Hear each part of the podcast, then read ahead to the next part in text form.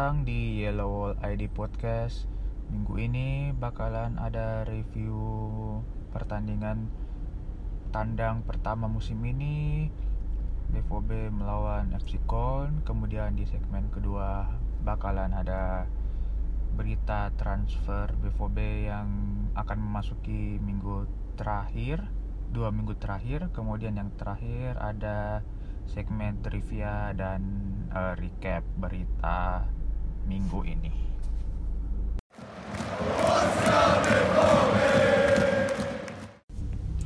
Jadi pada pertandingan Sabtu dini hari kemarin Borussia Dortmund tandang di kandangnya FC Köln dan Borussia Dortmund berhasil memenangkan pertandingan dengan skor 1-3 di mana uh, pada babak pertama FC Köln unggul 1-0 melalui gol dari Drexler. Kemudian uh, seperti ciri khas Borussia Dortmund pada musim lalu yang di mana BVB sangat caur atau tidak berkembang pada babak pertama namun berubah pada saat babak kedua jadi babak kedua itu Borussia Dortmund bisa membalas 3 gol Gol dicetak oleh Jadon Sancho pada menit ke-30 dari asis Torgan Hazard. Kemudian menit 86 Aksharaf Hakimi bisa membalikan kedudukan dari uh, asis crossing dari Lukas Piszczek dan counter attack klasik Borussia Dortmund untuk menutup pertandingan pada menit ke-94 oleh gol Paco Alcacer yang di asis oleh Jadon Sancho. Jadi uh, secara keseluruhan pertandingan kemarin Borussia Dortmund terutama pada babak pertama tidak berkembang. Mereka di pressing habis-habisan oleh pemain FC Köln. Jelas pada ke uh, pertandingan kemarin itu uh, ada dua pemain yang waktu melawan Augsburg bermain cukup brilian, namun uh, pertandingan kemarin melawan Köln justru seperti apa ya? Mungkin bisa dibilang agak flop yang pertama itu si Julian Weigel. Jadi kemarin itu pertandingan pertandingan Julian Weigel kurang bis kurang berkembang.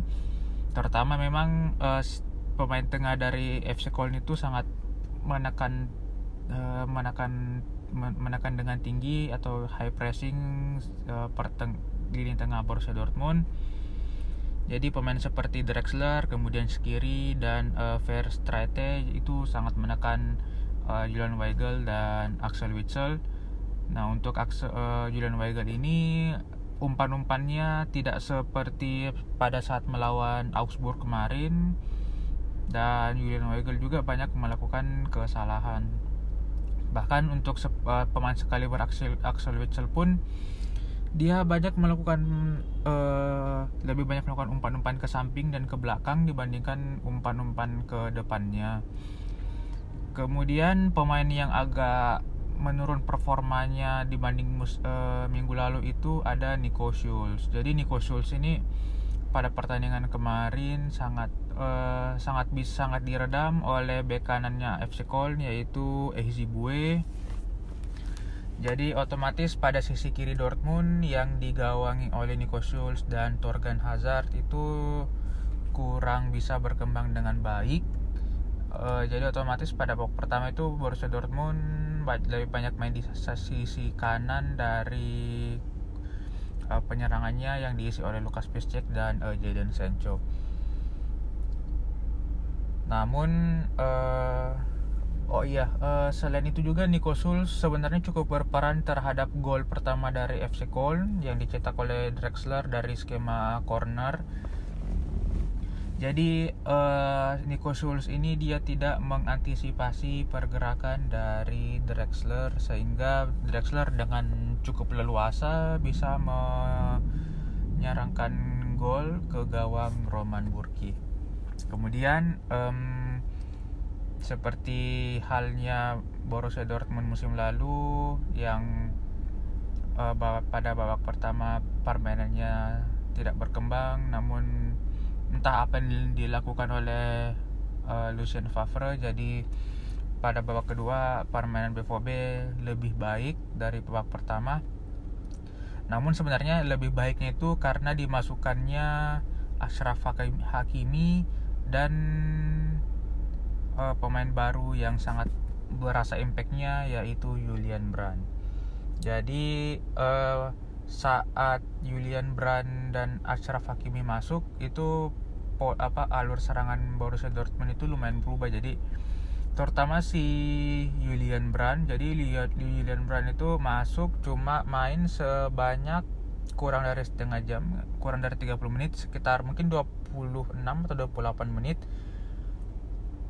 Julian Brand ini uh, dia melakukan dua key, uh, dua umpan kunci dua key passes kemudian dia memenangkan 4 3 possession kemudian melakukan 47 kali sentuhan kemudian uh, secara statistik overall dari Borussia Dortmund pada babak pertama atau uh, 60 menit pada pertandingan sebelum Julian Brand masuk BVB cuma melancarkan 7 shots dengan dua on target. Nah sesaat uh, Julian Brand masuk itu BVB overall tetap melakukan 7 shoots ke gawang Cole namun uh, empatnya itu on target dan tiganya itu berbuah gol. Sebenarnya kalau dilihat juga pertandingan kemarin saat masuknya Julian Brand uh, aliran bola dari Borussia Dortmund itu jadi lebih apa ya lebih lebih bisa ter, ter terukur dan lebih terarah karena Julian Brand ini ber, uh, saat dia masuk menggantikan Julian Weigel uh, dia lebih apa ya dia lebih ke offensive minded dan jadinya uh, alur, bola yang biasanya cuma dari Witsel atau Weigel langsung ke Royce atau ke Sancho atau ke Torgan Hazard ini bisa lebih ada pilihan lain. Jadi bisa uh, Torgan uh, Julian Brandnya yang olah sendiri atau dia bisa umpan ke Marco Reus atau ke uh, Jadon Sancho atau ke Torgan Hazard. Dan uh, Julian Brand ini juga punya kemampuan passing dan uh, sebenarnya dia juga punya beberapa kesempatan untuk melakukan shooting sih sebenarnya ada satu atau dua kali cuma dia lebih memilih untuk mengumpan namun uh, secara permainan masuknya Julian Brand ini lebih menyulitkan pemain dari FC Köln untuk melakukan pressing karena uh, masuknya Julian Brand permainan BVB itu jadi lebih dinamis dibandingkan saat masih adanya Julian Weigel. Kemudian um, untuk Ashraf Hakimi sendiri, Ashraf Hakimi dia sebenarnya tidak ada perubahan sih untuk secara skema dengan Nico Schulz cuma Aksara Hakimi itu dia dia jauh lebih berani untuk masuk ke lebih ke tengah dibandingkan Nico Schulz yang bermainnya uh, lebih melebar. Jadi bisa kelihatan pada saat gol kedua Borussia Dortmund saat ada crossing dari Lukas Piszczek Ezibue itu tidak menyangka kalau si Achraf Hakimi itu bakalan masuk ke tengah untuk melakukan heading. Kemudian untuk uh, gol pertama Borussia Dortmund itu sendiri uh, itu sebenarnya uh, karena apa ya karena Jadon Sancho itu di, dikasih luas, uh, ruang yang cukup luas untuk dikasih tempat untuk syuting jadi ya sebenarnya itu kesalahan dari AFC Köln sendiri sih. Kemudian untuk gol ketiga dari Borussia Dortmund ya tidak perlu di apa ya tidak perlu di itu kan lagi sih. Itu sudah klasik uh, counter attack dari Borussia Dortmund sama seperti pertandingan melawan Wolfsburg musim lalu di Signal Iduna Park. Uh, itu seperti counter attack yang kill the game untuk Borussia Dortmund. Jadi overall dari dua pertandingan ini uh, bintang Borussia Dortmund adalah uh, Jadon Sancho. Ini cukup menarik karena melihat performanya sebenarnya pada saat pramusim tidak spesial-spesial amat sih sebenarnya. Tidak uh, saya saya sendiri pun tidak berha uh, tidak menyangka kalau dia bisa bakalan se se apa ya mungkin sevital ini pada musim ini karena saya, uh, karena adanya Torgan Hazard. Saya justru ber, berpikirnya Torgan Hazard yang lebih vital sih untuk permainan Borussia Dortmund. Untuk statistik uh, ball possession Borussia Dortmund 74%, FC Köln 26%. Ini standar dari Borussia Dortmund yang mengu apa uh, banyak passing-passing pendek, penguasai bola, ciri khas ciri khas Favre lah. Kemudian pas yang sukses uh, Borussia Dortmund 87%, sedangkan FC Köln 67% Kemudian total shoot itu uh, hampir seimbang. Borussia Dortmund 14 total shoots, kemudian FC Köln 13 total shoots. Namun perbedaannya itu on target Borussia Dortmund 6 sedangkan FC Köln 1. Jadi satunya itu shot on target dari Köln itu yang berbuah uh, gol kemarin. Jadi uh, pada pertandingan kemarin Borussia Dortmund sebenarnya masih menyimpan apa ya uh, menyimpan pertanyaan besar untuk pertandingan berikutnya. Apakah Favre bakalan tetap ngotot untuk memainkan peran double pivot uh, Julian Weigel dan Axel Witsel atau mungkin Thomas Delaney atau memainkan Julian Brandt uh, dari starting kemudian untuk uh, komposisi pemain lainnya sih kemungkinan besar gak ada perubahan. Nico Schulz pun meskipun agak flop pada pertandingan kemarin melawan Köln cuma uh, mungkin uh, dia bakal tetap dipercayakan sih karena untuk saat ini yang tersedia cuma dia uh, back kiri yang fit di luar dari Marcel Schmelzer yang uh, Marcel Schmelzer yang udah dipinggirkan oleh Lucien Favre. Oke, mungkin itu aja sih uh, review singkat pertandingan kemarin dan kita lanjut ke segmen berikutnya.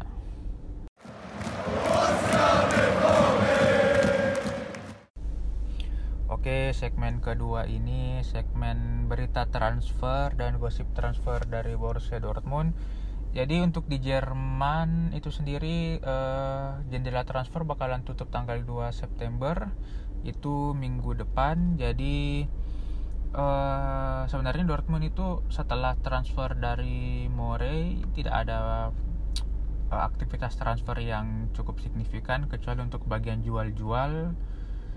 Jadi yang masuk ini cuma dari BVB 2 itu Colbain Vinson pemain tengah asal Iceland dari Brentford FC dia bakalan main untuk uh, BVB 2 kemudian uh, untuk pemain BVB U19 juga si Yusufa Mokoko si Wonderkid itu ternyata dia sudah uh, sign kontrak untuk U19 sampai tahun 2022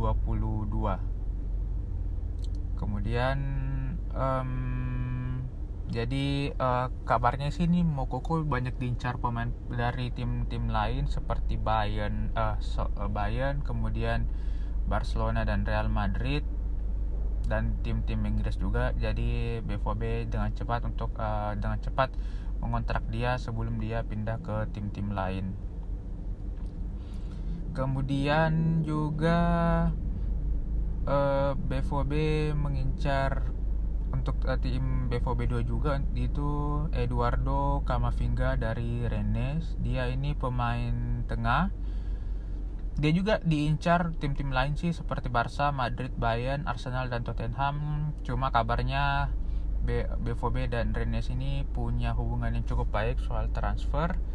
Jadi kemungkinan besar sang pemain bakalan berlabuh ke BVB kemudian gosip transfer yang masuk juga cuma ini uh, sebenarnya sudah ada sekitar dari satu bulanan cuma saya tidak pernah uh, masukkan di podcast karena menurut saya gosipnya tidak cukup menarik sih sebenarnya. Karena hampir dibilang tidak bakalan terjadi untuk transfer untuk kali ini yaitu uh, Thomas Cik dari AS Roma diincar BVB cuma uh, sepertinya tidak bakalan terjadi sih. Karena uh, seperti yang Zork dan Watzke bilang kalau untuk posisi penyerang bakalan dipegang full oleh Paco Alcacer kemudian juga tiba-tiba ada gosip panta beranta yaitu Arkadius Milik juga diincar oleh BVB cuma mungkin bukan buat transfer window kali ini sih mungkin buat tahun depan. Atau jaga-jaga kalau untuk uh, transfer window musim dingin si Alcacer mungkin cedera atau tiba-tiba off kemudian berita transfer yang cukup menarik juga bukan transfer sih tapi perpanjangan kontrak. Jadi yang ada berita cukup menarik kalau uh, Rafael Guerrero berada di Paris untuk uh, berbicara dengan Leonardo dari PSG. Cuma uh, Rafael Guerrero secara pribadi di Twitternya langsung membantah berita tersebut. Kalau dia tidak melakukan pembicaraan dengan uh, eh, PSG kemudian yang uniknya si akun berita tersebut itu uh, mengomentari kalau uh, si Rafael uh, secara apa ya Rafael itu ada di Paris begitu. Cuma uh, kemudian dibaras lagi oleh si Rafael kalau ya untuk untuk untuk uh, untuk demi apa ya untuk mempertahankan atau untuk, untuk tidak memperburuk kredibilitas berita Perancis, kantor berita Perancis tersebut. Jadi Rafael sebenarnya ada di Prancis di Paris namun ke Disneylandnya. Memang jadi uh, Borussia Dortmund itu ada waktu pemain-pemain Borussia Dortmund diberi waktu off dua hari sebelum latihan pasca kemenangan melawan Köln jadi katanya di sana itu Rafael Guerrero ke Disneyland bersama Zagadou dan Nico Schulz ini lumayan apa ya lumayan lucu juga sih beritanya. Tapi sampai sekarang belum ada tanda-tanda apakah Rafael bakalan mau memperpanjang kontraknya di BVB atau tidak. Kemudian berita perpanjangan kontrak berikutnya itu Mario Götze yang ternyata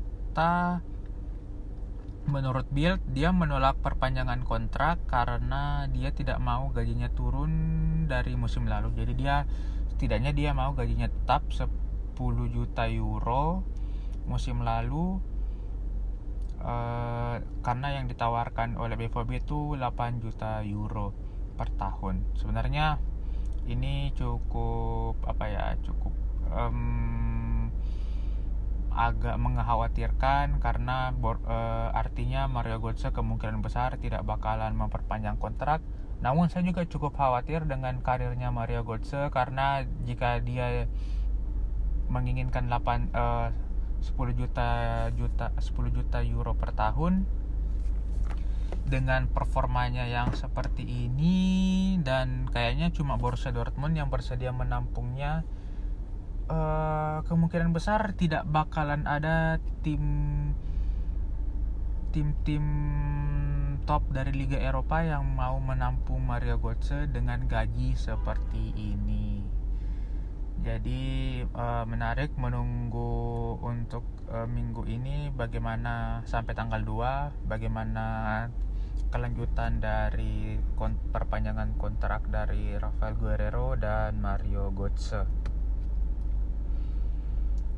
Oke, kayaknya itu aja sih um, dari berita transfer dari Borussia Dortmund.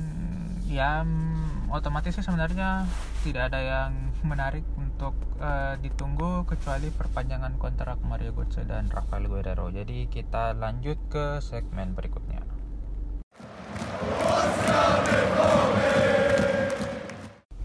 Jadi untuk segmen trivia dan apa ya dan berita-berita selama seminggu terakhir untuk Borussia Dortmund uh, yang cukup menarik yaitu hasil dari mm, tim junior. Jadi untuk uh, BVB U17 mereka mereka derby Rivier Derby melawan Schalke U17 yang berakhir dengan 0-0 Kemudian juga kemarin BFO BU19 bersama Yusuf Mukoko akhirnya uh, menang melawan, melawan Armenia Bielefeld sebesar 6 dengan skor 6-2 di mana Yusuf Mukoko mencetak hat-trick kemudian eh, itu aja sih. Kemudian kemarin juga kemarin Jumat juga sudah rilis uh, Inside Borussia Dortmund serial yang dirilis oleh Amazon Prime Video. Jadi pada episode kedua ini membahas tentang periode-periode menurunnya performa Borussia Dortmund pada second round pada bulan Februari dimulai dengan draw melawan Hoffenheim 3-3 kemudian seri melawan Nürnberg kemudian uh, sempat menang melawan Leverkusen 3-2 oh ya dan juga kalah melawan Tottenham di Liga Champions 3-0 kemudian kalah di kandang Augsburg 2-1 dan juga tentang uh, ke, betapa Borussia Dortmund itu kehilangan sosok Marco Reus yang cedera. Sebenarnya episode kedua ini bukan episode yang menarik untuk dibahas. Namun yang cukup menarik dari episode kemarin itu adalah episode uh, flashbacknya. Jadi kemarin ada flashback uh, Borussia Dortmund dari tahun 80-an eh, kemudian 90-an jadi untuk uh, fans Borussia Dortmund tahun 90-an seperti saya uh, episode flashback uh, part flashback kemarin itu episode 2 cukup menarik sih. Jadi sebenarnya kalau mau nonton cukup menonton saja part part uh, flashbacknya. Namun part lainnya itu bisa di skip aja atau dilupakan sih. Kemudian uh, kemarin juga ada wawancara dari Axel Witsel tentang kepindahannya ke Borussia Dortmund. Jadi menurut Axel Witsel dia sempat ditawar oleh Real Madrid. Jadi waktu itu dia hampir saja di, um, mendarat ke Real Madrid. Cuma ternyata waktu itu Real Madrid uh, berhasil mendapatkan Luka Modric dari Tottenham. Nah setelah uh, mereka berhasil mendapatkan Luka Modric uh, tiba uh, Real Madrid pun tidak menunjukkan lagi ketertarikannya ke Axel Witsel. Kemudian uh, juga uh, sebelum ke Borussia Dortmund ternyata Axel Witsel juga diincar oleh PSG dan Manchester United. Namun uh, menurut Axel Witsel cuma Borussia Dortmund yang serius mendapatkannya dan dan uh, yang menjadikannya prioritas utama. Jadi menurut Witsel MU dan uh, eh, PSG itu tidak menjadikan Witsel menjadi uh, sebagai prioritas utama dan tidak menjamin untuk bermain sebagai starting. Sebagai fans Borussia Dortmund ini adalah keputusan yang tepat mengingat performa MU di Liga Inggris dan uh, apa yang terjadi di Paris Saint-Germain musim ini. Ya meskipun mereka juara karena namun performa mereka di Liga Champions juga tidak ya tidak cukup memuaskan. Kemudian untuk pemain yang dipinjamkan Borussia Dortmund, uh, sorry, pemain yang dijual itu Shinji Kagawa akhirnya mencetak gol perdananya bersama Real Zaragoza. Namun pertandingannya itu berakhir satu-satu. Jadi pemain yang pemain seperti Maximilian Philip dan Kagawa akhirnya sudah mencetak gol masing-masing di tim mereka. Dan kemarin juga Sergio Gomez akhirnya melakukan debutnya uh, bersama HSK namun dia cuma tampil sebanyak sekitar 3, 4 menit ya 4-5 menit. Ya, biasalah pemain yang masuk di akhir-akhir pertandingan untuk menghabiskan jatah pemain uh, substitusi pemain. Kemudian berita yang cukup besar yaitu uh, Borussia Dortmund tidak memiliki per, uh, tidak memiliki representatif atau wakil di DFL yaitu per, uh, Badan Liga Jerman. Karena uh, Watzke mundur mundur dari uh, ex apa ya uh, mundur dari DFL karena ada clash antara tim-tim besar seperti BVB, Bayern dan Schalke dengan uh, tim kalau bahasa kalau dari bahasa dari medianya sih seperti second tier team yaitu uh, Hamburg dan Hertha Berlin dan uh, dan lain-lain. Tapi yang menginisiasi menginisiasinya itu Hamburg dan Hertha Berlin karena mereka menginginkan uh, jatah hak siar televisi yang lebih tinggi dan hal ini tidak disepakati oleh Watzke uh, karena menur karena hal ini uh, Watzke mundur dan otomatis tidak ada perwakilan BVB di presidium DFL. Sebelumnya ini DFL dipresideni oleh uh, Ronald Trobal yaitu presiden uh, dari Borussia Dortmund itu sendiri dan kabarnya ketu, uh, presiden DFL mus, uh, tahu uh, periode kali ini itu dari presiden dari uh, Freiburg. Namun uh, selain itu juga sebenarnya Borussia Dortmund juga agak apa ya dia juga uh, memiliki clash dengan DFL uh, dalam hal ini Michael Zorc karena uh, tidak ada apa ya mereka karena Borussia Dortmund merasa dirugikan dengan uh, jadwal yang dikeluarkan oleh DFL ya, jadi sebelum pertandingan Liga Champion itu pertandingan pertandingan Liga Champion Borussia Dortmund harus melewati pertandingan tandang dulu. Dan menurut uh, Zorc ini cukup mengganggu persiapan tim dari Borussia Dortmund itu sendiri. Jadi um, itu saja uh, rekapan berita dan trivia untuk minggu ini. Jadi uh, agak kurang berita sih untuk minggu ini kayaknya kayaknya mungkin lebih uh, banyak uh, lebih fokus ke match day. Jadi untuk match day berikutnya uh, Borussia Dortmund akan melawan uh, Union Berlin tandang pada tanggal 31 waktu Jerman. Jadi mungkin di Indonesia itu sekitar 00.30 tanggal 1 September hari Minggu dini hari jadi Borussia Dortmund akan uh, melakoni pertandingan tandang berturut-turut. Jadi kemarin tandang melawan Köln, kemudian uh, kali ini tandang di kandang Union Berlin. Uh, semoga saja Borussia Dortmund bisa menang pada pertandingan ini untuk menutup performa gemilang pada bulan Agustus karena uh, musim lalu Borussia Dortmund menutup bulan Agustusnya itu dengan dua kemenangan satu seri. Semoga pada pertandingan besok um, Sabtu besok Borussia Dortmund bisa menang melawan Union, Ber Union Berlin yang uh, lagi bagus moodnya karena sudah memenang uh, sudah mendapat poin perdana dan mencetak gol perdana di Bundesliga. Jadi sekian saja untuk episode kali ini. Uh, sampai jumpa di episode berikutnya. Mungkin agak terlambat karena kemungkinan sih bakalan nunggu uh, saat transfer windownya sudah tutup. Jadi kemungkinan sih rilisnya sekitaran tanggal 3 September. Oke, jadi demikian episode kali ini. Sampai jumpa di episode berikutnya.